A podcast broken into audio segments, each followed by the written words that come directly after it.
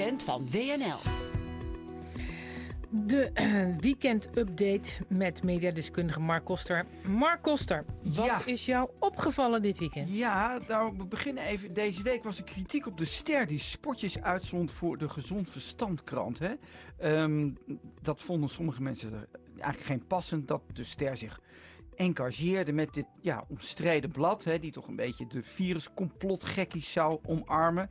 Eh, dat mochten ze niet doen. Eh, gelukkig hebben wij de baas van de ster aan de lijn, Frank Volmer. Nou, dat Ik- zijn ze nu op dit moment aan het proberen. Heb je hem gezien, die gezond verstand? ja, ik heb hem gezien. Maar vind jij dat van complotgekkies? Nou ja, er staan wel wat, wat rare verhalen in. Maar ik vind dat, dat, dat het wel eh, ja, verspreid mag worden. Waar- waarom zouden we er tegen zijn? Maar ik, het is interessant dat Frank Volmer volgens mij daar ook opvattingen over heeft. Ik weet niet of we hem aan de lijn hebben inmiddels. Dat eh, gaat. Dag, meneer Volmer. Eh, goedendag. Goeiedag. Ja, Frank, eh, meneer Volmer moet ik zeggen. We kennen elkaar, ik zeg Frank. Maar ik zeg eh, u, Frank Volmer. ehm, ja, wat, wat vindt u van die kritiek die, die, die de ster kreeg? Dat, dat, ja, dat dit krantje niet gepromoot mocht worden via de publieke omroep. Ja, het, het is, om te beginnen moet je heel erg goed bekijken wanneer die kritiek nou precies kwam. Of die nou echt naar aanleiding van die reclame kwam, of naar aanleiding van de publiciteit die over die reclame kwam. Want als wij kijken naar wanneer de eerste klachten bij ons en bij de reclamecodecommissie binnenkwamen, dan was dat voornamelijk eh, toen er op, in de pers aandacht aan besteed werd.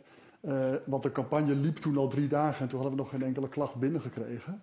Ehm, maar goed, het neemt niet weg dat als we klachten binnenkrijgen, dat we, dat we heus wel serieus eh, kijken. Maar in dit geval vonden wij echt geen enkele aanleiding om ook maar te overwegen deze campagne niet te plaatsen. Nee. En, en wat, wat, vindt, u, vindt u van die kritiek dan? Dat, jullie daar toch achter staan? Ja, kijk, iedereen mag natuurlijk vinden wat wij wel en wat wij niet zouden moeten plaatsen. Maar wij hebben een eigenstandige eh, beleid. En ja, wij zijn eigenlijk heel liberaal daarin. Wij vinden dat eh, ja, de publieke omroep voor zoveel mogelijk eh, eh, producten en diensten toegankelijk moet zijn. En natuurlijk wordt elke individuele commercial wordt zeker wel beoordeeld. Het is niet zo dat we alles uitzenden. Want we moeten ons natuurlijk aan wet en regelgeving houden. En er is ook nog zoiets als goede smaak en van alles en nog wat. Dus wij beoordelen echt wel elke commercial. Maar in deze commercial zit echt geen enkele aanleiding om dat blad te, te, niet, te, niet te mogen promoten. De commercial was een hele nette commercial. Ja. Ja, en wat er verder in dat blad staat. Heeft u hem Ja, gelezen dat- trouwens? Ja, nou ja, de- de- laat ik zo zeggen, ik heb de, de digitale versie heb ik, eh, gelezen, het eerste nummer. Ik ben net nog even naar de winkels eh, toegegaan om te proberen het tweede nummer te krijgen, maar daar kon ik nergens meer krijgen. Maar Het was al helemaal je als je op uitverkocht. maakt. Ja, nummer Ja, 2 dat heb ik hier voor me liggen. eh oplage 100.000. Het ziet er een beetje uit als... Eigenlijk, het, is, het is best saai eigenlijk, toch? Het is heel veel Nou, het is, nou, bij- het is, bijna geen maar wacht foto's. even, er zitten wetenschappers die daar in, in schrijven. En als mensen denken, oh, dat is een heel sappige verhaal. Dat is het helemaal niet. En Het lijkt allemaal heel eh, is- eh, grondig. Greet, dit gaat En niemand en- lezen. Het is hartstikke saai. Nou, ik denk dat juist heel veel mensen het wel gaan lezen.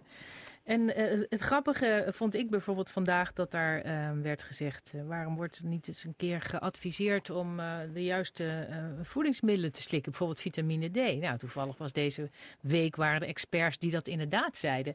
Dus als zij zeggen van nou het is een schande... dan, dan, dan zie je dat daar ook eh, wel andere media ook al over Ja. hebben. Dus- Dus zo uniek is het nou ook weer niet. Dus meneer Volmer, eh, eigenlijk waanzin dat, dat jullie erop werden aangesproken. Als ik het een beetje ga Nou samenvatten. nee, ja, dat- dat mag natuurlijk best. Ik, bedoel, ik zou me best kunnen voorstellen dat als er in de volgende publicatie, eh, weet ik veel wat voor eh, rabiate onzin eh staan. er staat wel wat komt- onzin in acht laat gaan, toch? Of niet?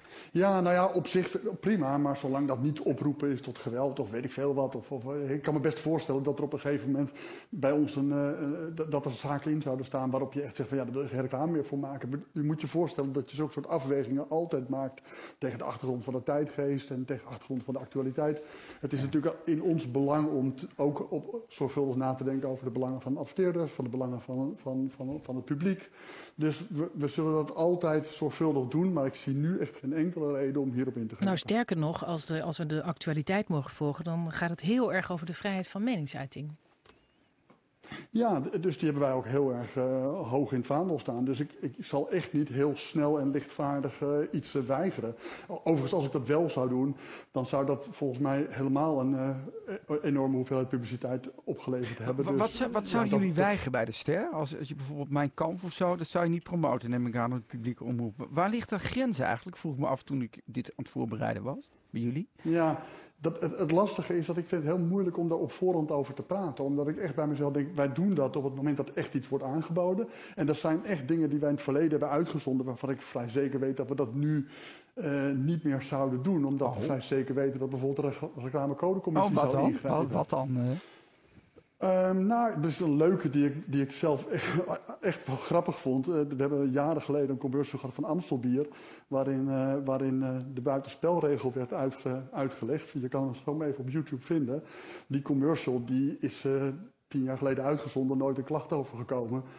Maar die zou nu echt niet meer uitgezonden worden, omdat die uh, omdat gewoon vrouwen, de, de reclamecodecommissie. Waarom niet? Omdat het uh, daar vrouwen nou, op de er bank werd een zitten test die gedaan niet of, snappen uh, of vrouwen de buitenspelregel wel of niet snapten. En dat was een soort van, ja, toen een hele grappige commercial. Maar ik denk dat die in de tijdgeest van nu, dat we hem niet meer zouden uitzenden. Maar die zou je weigeren? Op, nou, dat weet ik niet. Maar ik denk dat, die, ik denk dat als die uitgezonden zou worden en je zou er een klacht over indienen bij de reclamecodecommissie, dat die dan door de reclamecodecommissie verboden zou worden. Of ik hem zou weigeren.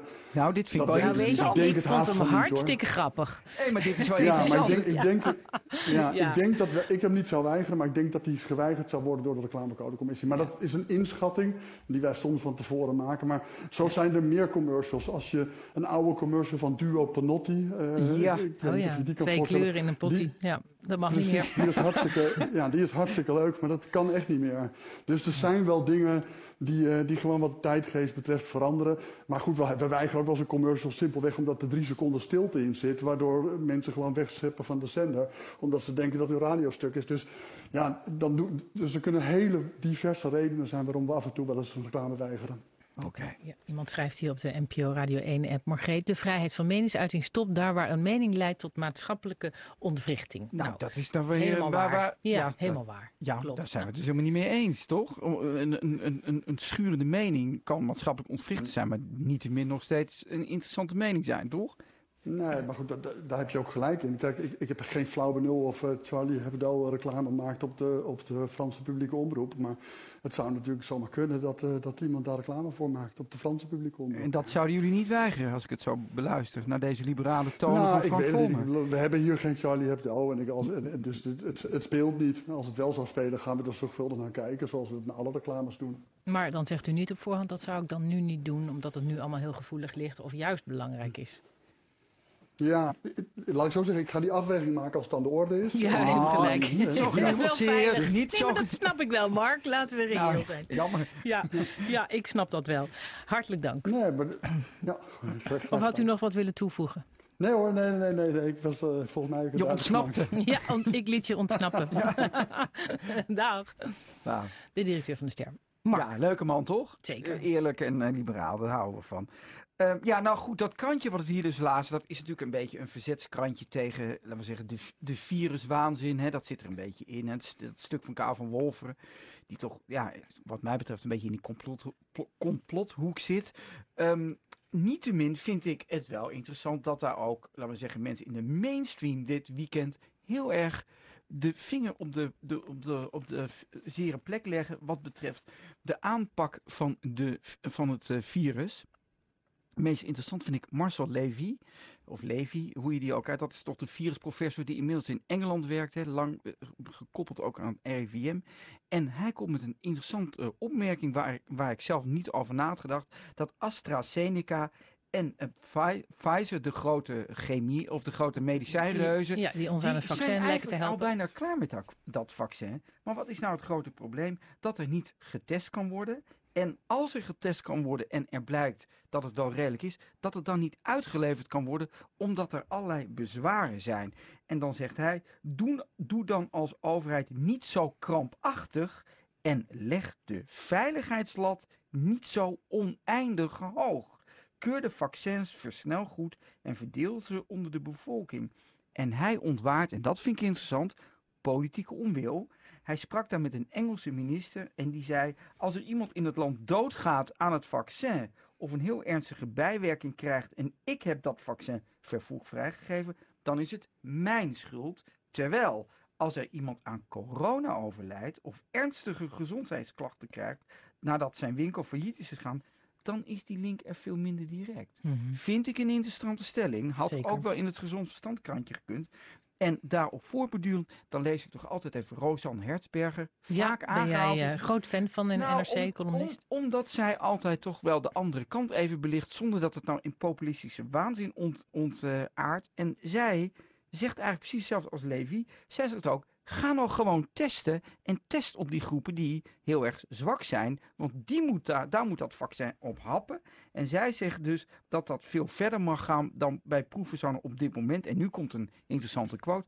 Ik vind zelfs dat je 70-plussers zou moeten besmetten met alle risico's van dien, inclusief ernstige ziektes, langdurige invalidatie en ook overlijden. Vind ik een zeer bouwde, mooie Nou, uitspraak eh, ik ik om denk niet dat jij je denken. moeder naar voren zou schuiven, maar dat terzijde. Zij vindt dat dat wel moet gebeuren. Waarom? Omdat we dan dat vaccin echt even dubbelblind kunnen testen. En zij zegt ook, de elite moet zich hiervoor opofferen. Vond ik helemaal mooi. Mensen met geld eh, en die, die vermogen zijn en hoog opgeleid, de elite. Hertzberger eist persoonlijke offers van deze mensen om het diepe verlangen om van betekenis te kunnen zijn voor Nederland, Europa en de wereld. Jij zit met je hoofd Ja, nee, ik en ik lees helemaal niks van. Maar ik wie lees zou het dat expres voor om jou hier aandoen? iets over te laten zeggen, ja, nee, nee, ik, vind het, eh, ik vind haar eh, geweldig. Ze zei bijvoorbeeld over Bill Gates van... eh, ja, natuurlijk is het een beetje naïef om te denken dat die man alleen maar niet, niet rijk is geworden... omdat hij weet hoe hij geld kan verdienen. Natuurlijk wel, daar, laten we daar na- niet naïef over zijn. Hè? Maar dan niet zeggen dat hij met een chip bezig is. Dus hij- daar is, ik vind haar heel reëel. Maar in en ze heeft wel gelijk dat het zou helpen. Alleen gezonde zeventigers, die zijn zo blij dat ze, dat ze niet ziek worden van corona. Geef het ze dan ook maar niet. Nee, Nee, maar ze zij zijn zegt- dus nu met gezonde jongeren aan het oefenen. Ja, maar zij zegt, die oudjes moet je infecteren en die moeten zich opofferen. En als het lukt, dan, nou, dat, ik vind het... Nou, ik vind het een te hoge prijs, want die gaan eerder dood. Ja. Ja, Ja. dat niet doen. Nee, zou ik niet doen. Nee. Ander geweldig stuk in de NRC. Ik heb het ademloos gelezen. Dat gaat toch even over de Tunesiërs die als bootvluchtelingen hier binnenkomen en dan toch wel wat stoute dingen doen. Hele ernstige dingen doen. We hebben niets gehad. Maar blijkt dat een aantal van die bootvluchtelingen, ook de kerstmarkt in Berlijn, was ook een Tunesiër die via Lampedusa. En de NRC heeft dat helemaal gereconstrueerd hoe dat gegaan is. Is toch niet zo best, hè? Eh, de jongen die in Nice ehm, die, die afschuwelijke dingen deed, was de hele tijd aan het bellen. Het lijkt er dus op dat er in Tunesië toch een soort terroristische cel zit die die mensen hier naartoe sturen. En onder het mom van ik ben zo zielig, ik ben een bootvluchteling, toch de meest afschuwelijke dingen doen. Ook in Marseille een jongen, ik, ja, dat was me allemaal ontgaan, Ahmed Hanouchi, die daar ook met een, een mes twee mensen ehm, ja, eh, zwaar verwond, om het leven brengt zelfs. Dus ik vind dat een heel goed verhaal dat je toch eens even terug reconstrueert. Hè? Wie zijn deze individuen? Waarom doen ze dat? Nou ja, dat, dit blijft een raadsel natuurlijk. Maar waar komen ze vandaan? En daar zit dus meer achter. En ik vind de naïviteit die we daarover hebben goed uitgelegd. NRC schrijft dat niet zo hard op als ik dat nu zeg, want die behouden dat keurig. Maar ik vind dat interessant. Zijn wij al eh, bijna klaar met de uitzending? Nee, toch? Ik zie dat ik vijf seconden op de teller, maar eh, ik hoop niet dat dat klopt. Ehm, ik, ehm, nou ja, weet je, als je buitenlandse media eh, leest, dan zeggen ze ja, maar Frankrijk heeft ook een hele foute rol gespeeld daar in het Midden-Oosten. En ze hebben zich eh, verschrikkelijk misdragen eh, tegen in, in moslimlanden. En er is heel veel haat tegen de Fransen. Dan hebben ze het over bijvoorbeeld over, over Mali. Eh, eh, ja, die eh, ingrepen die zouden de Midden-Oosten hebben eh, gedestabiliseerd. En daar komt haat vandaan. Ja, dat weet ik niet. Maar dat is wel wat buitenlandse media erover zeggen. Ja, nou, ik, ik, het zal ze misschien zo zijn, maar ik vind het wel mooi dat de NRC dat dan eh, reconstrueert en daar dan een, een mooi verhaal afmaakt. Dan in de NRC ook nog een ander ongelooflijk verhaal van Jurian Anderweg, kunstenaar die echt werkelijk vreselijke dingen heeft uitgevreten. We zitten een beetje te, te haspelen met de tijd, want we weten niet precies hoe laat het is. Dat is ook eh, apart. Uh, maar uh, veiligheidshalve moet ik dus nu jou de mond snoeren. Dank Marcos.